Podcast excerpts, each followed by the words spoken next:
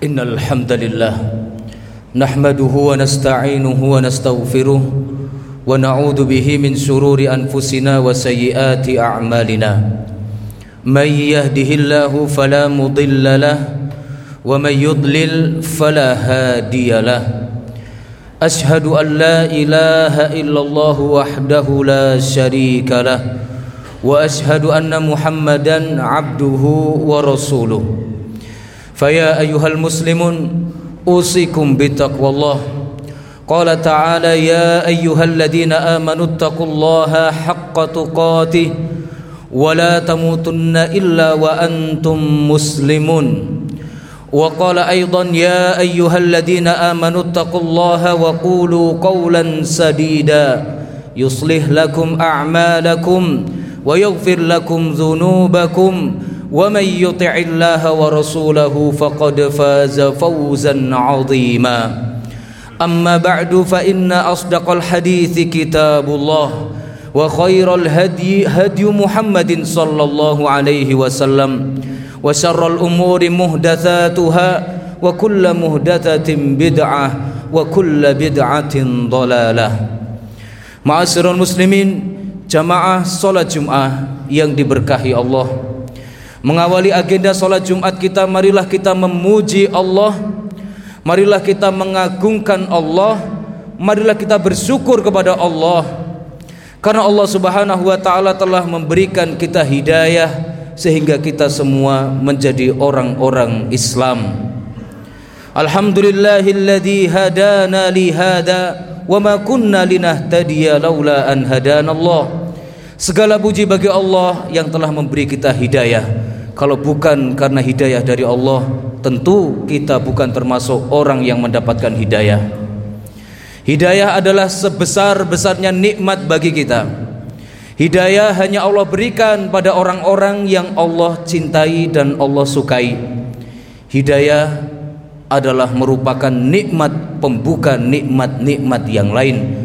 Maka dari itulah sebagai seorang muslim Al-Imam Ibn Qayyim Al-Jauziyah menyampaikan Betapa jahilnya manusia Betapa dolimnya manusia Apabila dia mensyukuri nikmat kekayaan Apabila dia mensyukuri nikmat kesehatan Apabila dia menyebut-nyebut nikmat-nikmat dalam hidupnya Tapi melupakan nikmat keislaman dan hidayah Karena hidayah adalah pangkal segala kebahagiaan Salawat beriring salam mudah-mudahan tercurahkan kepada Nabi Muhammad sallallahu alaihi wasallam. Sebagai umatnya yang baik, marilah kita contoh beliau karena beliau adalah sebaik-baik teladan. Sunnahnya merupakan sebaik-baik contoh. Bagi kita seorang muslim, tidak ada manusia sempurna yang patut diikuti dari ujung ke ujungnya kecuali Nabi Muhammad sallallahu alaihi wasallam. Maka marilah menjadi umatnya yang baik sebagai wujud terima kasih kita kepada Nabi Muhammad, kita banyak-banyak bersolawat. Kita mohonkan kepada Allah agar Nabi Muhammad diberikan rahmat dan diberikan kesejahteraan di alam barzah juga nanti di alam akhirat. Nabi Muhammad sallallahu alaihi wasallam berjanji, "Man shalla alayya wahidatan sallallahu alaihi biha asran." Barang siapa yang mendoakan solawat satu kali untukku, maka Allah akan membalas sepuluh kali lipat. Artinya saat kita mengucapkan Allahumma salli wa sallim ala Muhammad Ya Allah rahmatilah dan berilah kesejahteraan untuk Nabi Muhammad Balasannya sepuluh kali lipatnya Karena itulah Al-Imam As-Sakhawi Beliau menyampaikan Tidak ada amal yang lebih banyak berkahnya dalam hidup ini Melebihi bersolawat untuk Rasulullah Sallallahu Alaihi Wasallam. Ma'asyiral muslimin tidak lupa di kesempatan siang hari ini saya mengajak marilah kita bertakwa kepada Allah. Menjadi muslim artinya kita semuanya telah memasrahkan diri kepada Allah. Maka sebaik-baik sikap yang kita miliki adalah takwa. Bagaimana caranya kita mentaati Allah? Bagaimana cara kita menghindar dari segala yang dilarang oleh Allah? Bagaimana caranya membuat Allah ridho? bagaimana caranya menghindari murka Allah. Al-Imam Ibnu Qayyim Al-Jauziyah dalam kitab beliau Hadil Arwah ila Biladil Afrah menyampaikan jalan masuk surga yang paling pintas adalah ketakwaan. Ma'asyiral muslimin, jamaah salat Jumat yang dirahmati Allah. Di dalam Al-Qur'an Allah Subhanahu wa taala menyebut berkali-kali memerintahkan berulang-ulang agar manusia berbakti kepada kedua orang tuanya. Allah Subhanahu wa taala berfirman, "Wa'budullaha wa la tusyriku bihi syai'a wa bil walidaini ihsana." Allah juga berfirman, "Wa wassaynal insana biwalidayhi ihsana." Allah juga berfirman, "Wa bil walidaini ihsana." Dan ayat-ayat yang serupa Allah ulang berkali-kali. Artinya Allah memerintahkan agar semua manusia berbakti dan berbuat yang terbaik untuk kedua orang tuanya. Ma'asyiral muslimin, barakallahu fikum. Dan Allah sering kali menyebutkan perintah untuk berbakti itu setelah larangan syirik. Para ulama menjelaskan para ahli tafsir maksudnya adalah hak yang paling besar setelah mentaati Allah adalah mentaati kedua orang tua. Nabi Muhammad SAW memperjelas dengan sabdanya man lam yaskurin nas lam yaskurillah Siapa yang tidak bisa terima kasih kepada makhluk, pada manusia, maka mana mungkin bisa berterima kasih kepada Allah. Siapa yang sama orang tuanya sendiri saja tidak tahu terima kasih, apalagi kepada Allah yang Maha Gaib, yang tidak kelihatan, yang jelas-jelas menjadi sabab musabab munculnya dia di dunia saja, dia tidak pernah terima kasih, apalagi Allah yang Maha Gaib. Itulah makna kenapa Allah sering menyebut perintah untuk menyembah Allah ditambah lagi perintah untuk berbakti kepada orang tua. Ma'asyiral muslimin, barakallahu fikum. Di antara hal yang sangat memilukan adalah kita melihat banyak sekali manusia zaman sekarang ini yang berani durhaka kepada orang tua. Banyak yang melakukan tindakan-tindakan yang menyakiti hati orang tua. Banyak yang berani-beraninya bertengkar dengan orang tua banyak sekali orang zaman sekarang melupakan orang tua. Bahkan tidak jarang ada yang berani mengusir orang tua dari hidupnya. Naudzubillah, tsumma naudzubillah. Ma'asyiral muslimin, agama Islam adalah agama yang paling benci terhadap kedurhakaan kepada orang tua. Maka siapa pun yang mengaku muslim, siapa pun yang mengaku mukmin tapi durhaka kepada orang tuanya, mencampakkan orang tuanya, sering kali membuat sedih kedua orang tuanya periksa lagi imannya. Benarkah itu seorang muslim? Mengapakah tidak sedikit pun fitrahnya menuntunnya untuk berbuat baik kepada manusia yang paling berjasa? Di dalam Al-Quran Allah menyebut alasan kenapa kita harus berbakti kepada orang tua sangat sederhana wa hamluhu wa fisaluhu thalathuna syahra. Hanya satu poin saja karena kita dulu dikandung orang tua dilahirkan ke dunia disusui sampai akhirnya kita bisa hidup sendiri. Itu alasan paling dasar kenapa kita harus berbakti kepada mereka. Maka sungguh benar ungkapan ada seorang perempuan yang mengatakan ketika ditanya wahai ibuku apakah melahirkanku itu sakit? Maka dia menjawab iya nak. Melahirkanmu itu sakit tapi yang lebih menyakitkan dari itu adalah kalau kamu berani menantang dan juga melawan perintah ibumu. Itu lebih sakit daripada melahirkanmu. Betapa benarnya ibu tersebut. Alangkah sakitnya hati orang tua melihat anaknya membantahnya. Alangkah sakitnya hati orang tua melihat anaknya berani melawannya. Alangkah sakitnya hati orang tua saat melihat anaknya menelantarkannya apalagi sampai mengusirnya. Ma'asyiral muslimin lihatlah di barat. Di barat itu orang-orang yang sudah tua-tua. Mereka semuanya dikeluarkan dari rumah. Karena itulah di barat banyak sekali panti-panti jompo isinya orang-orang tua. Bukan tidak punya anak mereka punya anak tapi mereka sudah dikeluarkan dari orang dari rumah mereka. Di Amerika negara yang disebut sebagai negara adidaya maju. Tapi lihatlah akhlak-akhlak terhadap orang tua.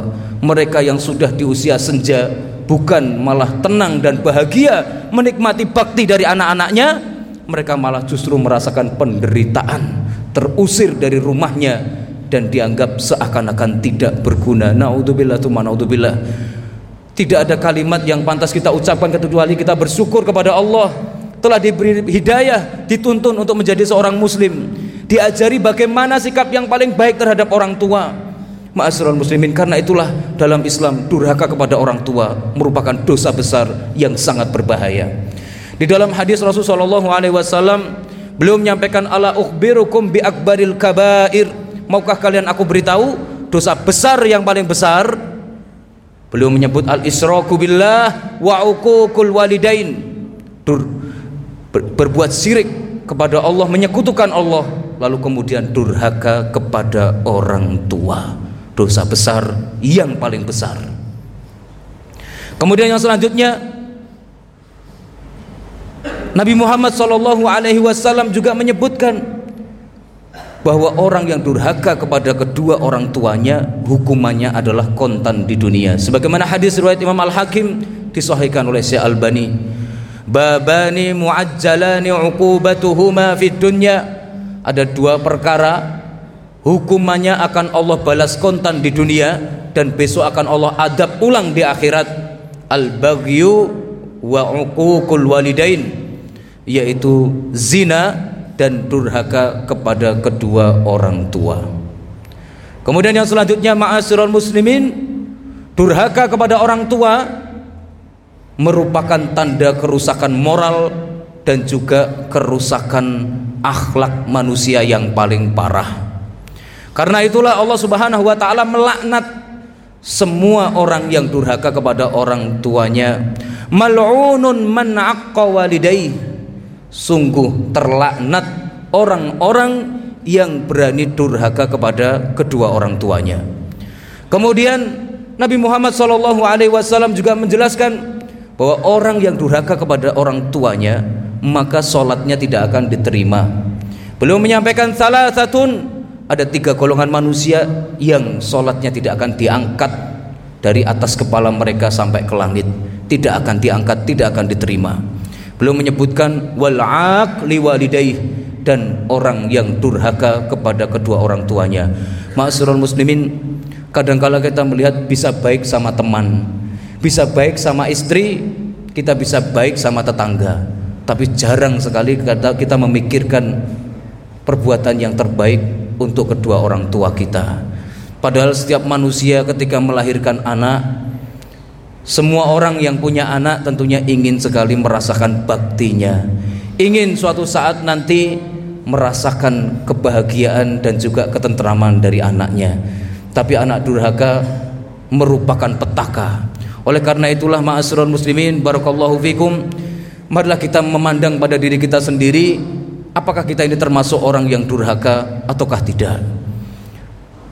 Mudah-mudahan Allah Subhanahu wa taala selalu memberikan kita kesadaran membuat kita senantiasa berpikir dan juga senantiasa bersyukur sehingga kita bisa melakukan yang terbaik untuk kedua orang tua kita. Ma'asyiral muslimin, di dalam hadis riwayat Ibnu Khuzaimah dari Abu Hurairah, Nabi Muhammad SAW alaihi wasallam suatu ketika beliau di depan mimbar, beliau naik ke atas mimbar sambil mengucapkan amin, amin.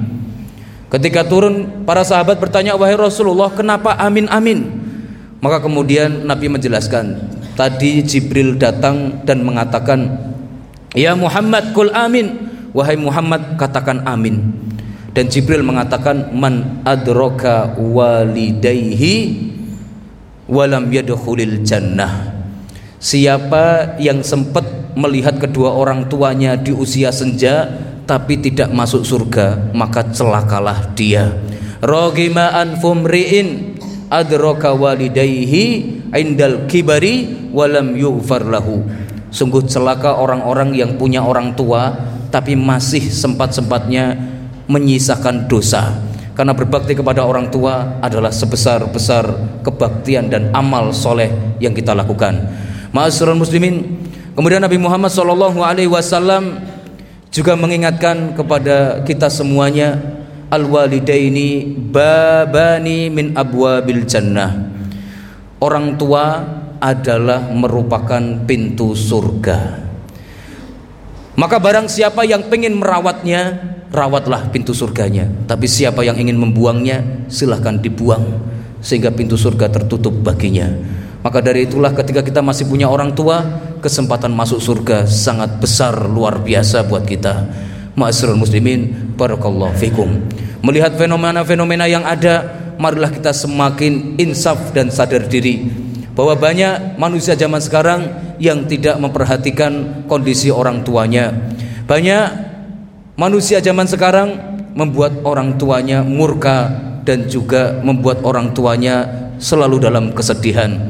Banyak sekali orang-orang zaman sekarang hidup terlalu asik, lupa sama orang tuanya yang sudah tiada, melupakan kewajiban sebagai anak, melupakan tindakan-tindakan baik yang harusnya dilakukan untuk mengangkat derajat mereka.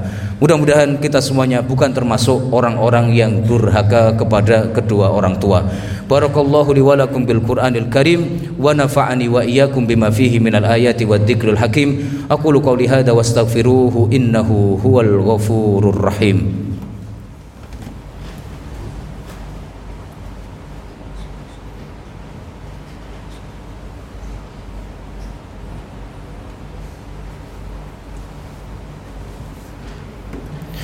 Alhamdulillahi Rabbil Alamin. Wassalatu wassalamu ala asrafil anbiya wal mursalin Nabiyyina wa habibina Muhammadin Wa ala alihi wa sahbihi ajma'in. Ya ayyuhalladzina amanu taqullaha haqqa tuqatih Wa la tamutunna illa wa antum muslimun amma ba'du. Ma'asyiral muslimin jamaah salat Jumat yang diberkahi Allah Lalu pertanyaan selanjutnya adalah apakah kita ini sudah menjadi anak yang berbakti? Apakah kita ini sudah menjadi anak yang baik? Mari kita periksa diri kita. Yang pertama, secara hati. Apabila orang tua kehadirannya membuat kita selalu bersyukur, apabila hati kita selalu memikirkan mereka, apabila hati kita selalu dipenuhi rasa terima kasih kepada orang tua, maka ini adab batin kita sudah benar. Tanpa orang tua kita ini tidak pernah ada di dunia. Tanpa mereka tanpa lewat dan wasilah mereka kita ini tidak akan pernah ada dan tidak akan pernah menikmati kehidupan dunia. Karena itulah bagi setiap muslim hendaknya mengisi hatinya setiap hari dengan rasa terima kasih kepada orang tua. Sering-sering mengungkapkannya kepada orang tua sering-sering mengatakannya kepada orang tua sebagai wujud terima kasih. Dan batin seorang anak apabila melihat orang tuanya sakit, melihat orang tuanya sedih, melihat orang tuanya dirundung kegelisahan, anak harus memikirkan lebih dari yang semestinya. Karena seorang anak punya kewajiban untuk memberikan sikap yang terbaik kepada kedua orang tuanya. Apabila kita mendengar kabar orang tua sakit kalau mampu menangislah. Paling tidak itu sikap yang paling jantan sebagai seorang anak yang bisa tahu rasa terima kasih kepada orang tuanya. Hati ini harus senantiasa sadar betul dan harus senantiasa dipenuhi rasa terima kasih kepada mereka. Ingatlah diri kita yang dulu begitu kecil tidak mampu apa-apa tidak bisa apa-apa. Hanya bisa menyusahkan Seringkali orang tua itu menangis karena kita. Seringkali orang tua itu sedih gara-gara kita. Seringkali orang tua itu tidak tidur gara-gara kita. Seringkali orang tua itu menahan-nahan diri tidak membeli ini itu demi membahagiakan kita. Seringkali orang tua itu berusaha menahan sakit dan derita demi melihat senyum kita. Rasa apa yang paling pantas kita berikan kecuali rasa perhatian dan juga rasa terima kasih yang paling mendalam apabila kita belum sedikit pun hati kita tergerak untuk berterima kasih pada orang tua durhakalah kita. Naudzubillah yang kedua adalah lisan. Adab yang terbaik lewat lisan kita. Allah Subhanahu wa taala memerintahkan wa kullahuma qaulan karima.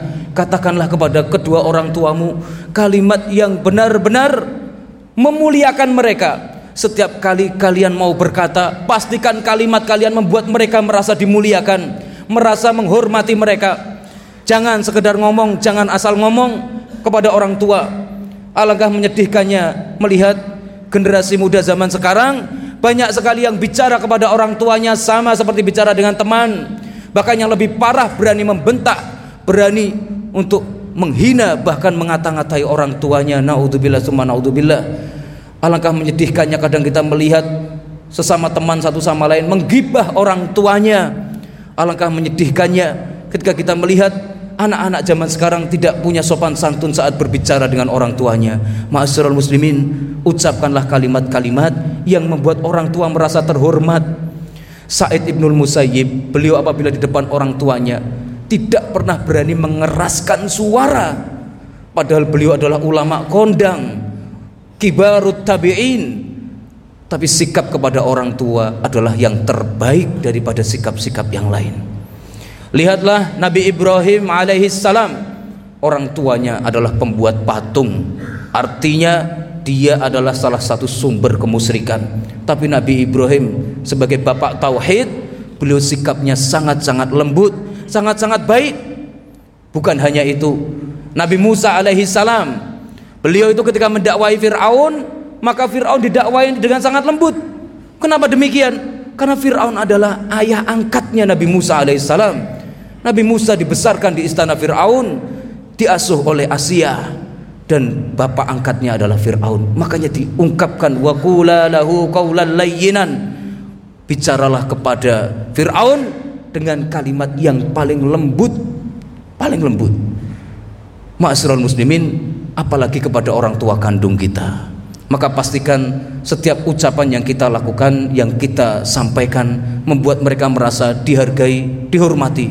Jangan sekali-kali kita ini melecehkan dan merendahkan martabat orang tua kita. Yang kedua yaitu wa kullahuma qaulam maisura. Wa maisura. Katakanlah kepada keduanya kalimat yang mudah difahami artinya saat kita berbicara dengan orang tua janganlah kita bernada sombong. Janganlah kita berlagak tinggi hati dan juga membanggakan diri. Sehingga akhirnya orang tua menerimanya dengan sangat berat. Ucapkanlah kalimat-kalimat yang mudah dipahami mudah dimengerti oleh kedua orang tuamu. Sampaikanlah setiap keluhan setiap masalah sampaikanlah setiap keinginan dengan yang sebaik-baiknya. Seringkali kita melihat anak kehilangan adab. Hanya gara-gara persoalan warisan mereka bertengkar orang tua menjadi korban bentak-bentakan semuanya. Naudzubillah tsumma naudzubillah. Ma'asyiral muslimin betapa durhakanya manusia yang berani untuk mengatakan kalimat-kalimat yang sangat berat bagi orang tua untuk menerimanya. Apalagi kalimat-kalimat yang sering menyakiti mereka dengan ungkapan-ungkapan mengatakan salah kamu sendiri kenapa kamu melahirkan aku? dan lain sebagainya. Benar-benar sebuah kekufuran. Ma'asyiral muslimin Islam menjaga sekali ucapan manusia terhadap orang tuanya. Jangan sampai menimbulkan rasa sakit dan bekas sakit walaupun kecil. Islam melarang sekedar mengucapkan ufil yaitu mengatakan ah. Saat diperintah mengucapkan ah sekedar menolak hanya dengan dua huruf saja itu hukumnya haram. Apalagi kalau sampai menyakiti hati mereka. Ma'asyiral muslimin barakallahu fikum. Kemudian adab yang ketiga adalah adab dalam perbuatan. Tunjukkanlah kepada mereka adab yang sebaik-baiknya. Saat diperintah patuhilah mereka. Selama itu bukan maksiat maka itu adalah merupakan ibadah yang sangat tinggi nilainya di hadapan Allah. Walaupun kita merasa berat lakukanlah karena itu akan mendatangkan kebahagiaan dari sisi Allah. Ma'asyiral muslimin, barakallahu fikum.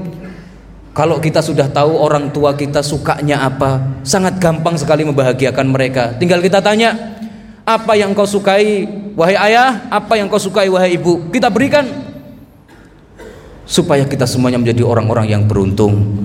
Membuat senyum mereka sama dengan mencerahkan hidup kita. Membuat mereka tertawa bahagia berarti kita telah menyusun jalan masuk surga yang paling mudah.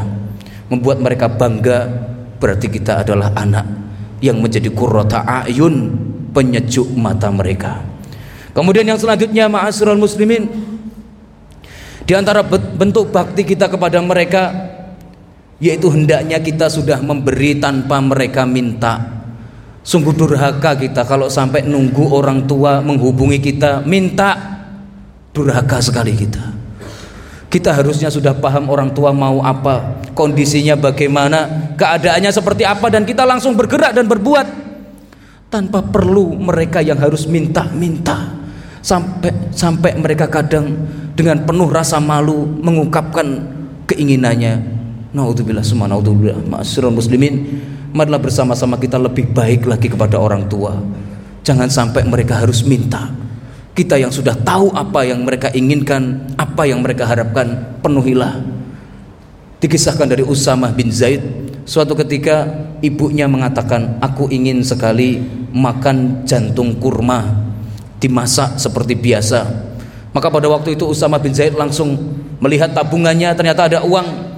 Diperkirakan sekitar 100 dirham pada waktu itu dia mencari pohon kurma yang dijual, lalu kemudian dia beli. Saat itu adalah musim paceklik, makan susah. Tapi karena Usama bin Zaid punya uang 100 dirham, lalu kemudian dia cari pohon kurma, setelah dapat dia potong. Orang-orang pada berkomentar, "Wahai Usama, apa kamu sudah gila? Di zaman paceklik seperti ini kamu punya pohon, ini seperti punya emas. Kenapa malah kamu potong?" Maka kemudian Usama bin Zaid menjawab, ibuku suka sekali makan jantung pohon kurma. Dan oleh karena itu karena saya mampu membelikannya walaupun kata orang mahal akan saya penuhi. Dan melihat senyum ibuku itu jauh lebih membahagiakan daripada memiliki uang 100 dirham. Ma'asyiral muslimin barakallahu fikum. Kemudian yang selanjutnya kalau kita ingin disebut anak yang berbakti doakanlah orang tua. Di sholat lima waktu kita setelah sholat berdoalah. Setiap kali kita ingat kebaikan mereka, doakanlah. Durhaka sekali kita sebagai anak kalau lisan kita ini tidak pernah berdoa untuk orang tua. Sebagai anak, doa terbaik itu untuk siapa? Untuk orang tua. Tidak ada doa yang terbaik melebihi doa kita untuk orang tua kita. Kemudian doa untuk istri kita, untuk anak kita, baru kemudian untuk teman-teman kita. Kita sering kali melalaikan doa untuk mereka padahal doa itu adalah merupakan makanan pokok, merupakan sumber kehidupan mereka yang di alam barzah. Mereka itu di sana akan diangkat derajatnya, akan dibebaskan dari adab kubur karena istighfar dan doa-doa kita. Nah, kalau kita sebagai anak melupakan mereka saat mereka sudah tidak bisa beramal lagi, betapa sedihnya mereka yang ada di sana. Ke mana anakku yang dulu aku besarkan? Ke mana anakku yang dulu aku banggakan itu? Ke mana mereka semuanya yang jumlahnya sangat banyak yang aku lahirkan? Kenapa tidak ada satu pun yang mendoakan kebaikan untukku? Betapa sedihnya orang tua mereka di alam barzah meronta-ronta, memohon-mohon. Mudah-mudahan ada di antara anaknya yang mendoakannya. Kemudian yang terakhir, di antara bentuk bakti kita kepada orang tua, ma'asirul muslimin, barakallahu fikum yaitu kita tetap menyambung hubungan baik orang tua kita dengan teman-temannya. Kita mungkin sering kali melihat ada lalu lalang di rumah kita teman-teman ayah kita, teman-teman ibu kita. Saat ayah ibu kita sudah tidak ada, maka bentuk bakti kita adalah berbuat baik kepada teman-temannya ayah dan teman-temannya ibu. Kalau ada kemampuan kilimilah mereka bingkisan-bingkisan, undanglah mereka saat momen-momen kebahagiaan supaya mereka merasa tetap bersambung walaupun teman mereka sudah tiada anaknya yang berbakti terus menyambungnya. Sebagaimana sabda Rasulullah wa inna min birri walidaik. Di antara bentuk baktimu kepada orang tuamu adalah kamu menyambung biwuddi walidaik. Kamu menyambung hubungan dengan orang-orang kesayangan kedua orang tuamu.